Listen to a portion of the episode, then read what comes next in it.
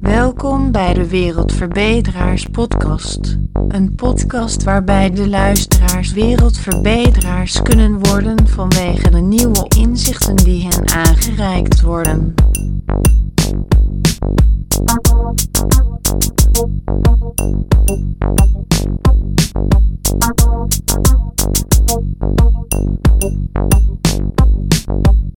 Welkom in deze zesde aflevering over hoe het volgens mij verder gaat met Vlaanderen wanneer België een confederale staat wordt. Laat ik meteen met de deur in huis vallen.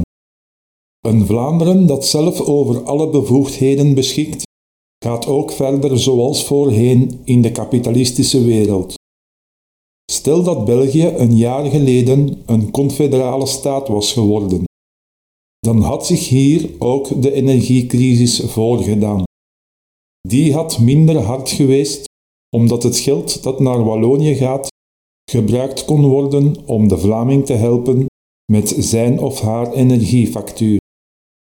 Maar na verloop van tijd zou dat effect wegvallen vanwege de wetmatigheid van het kapitalisme.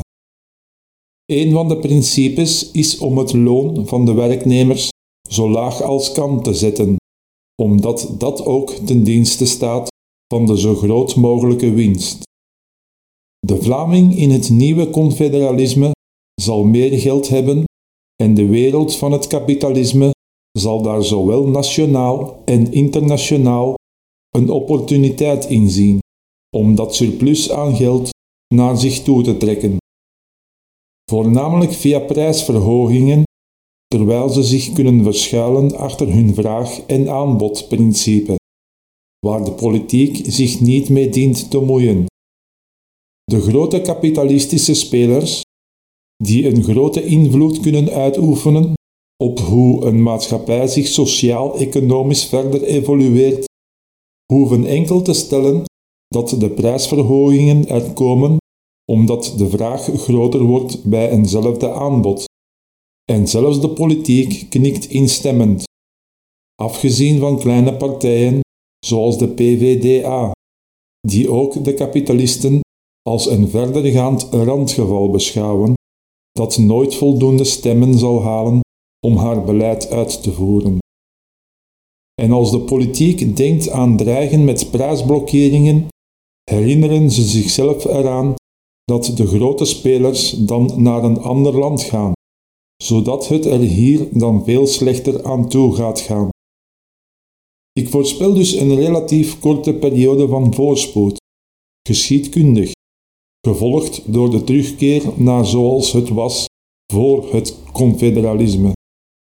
En dan kan het nog erger worden wanneer je gekend staat als een piepkleine regio die zelfverrijking belangrijker vond dan een sociaal beleid. Beetje zoals Europa nu niet veel meer inziet hoe het er in het Verenigd Koninkrijk aan toe gaat. De Vlaams nationalisten zullen eraan herinnerd worden dat ze jarenlang het grootste punt van hun programma hebben verkocht als de Vlaamse droom, die dan maar even blijkt te werken, terwijl ze daar dan jarenlang onder andere partijdotaties voor hebben ontvangen. Al is de Vlaams-nationalistische voorspoed nog zo snel, het planetaire kapitalisme ontdoet die wel. Ik dank u voor het luisteren naar deze aflevering.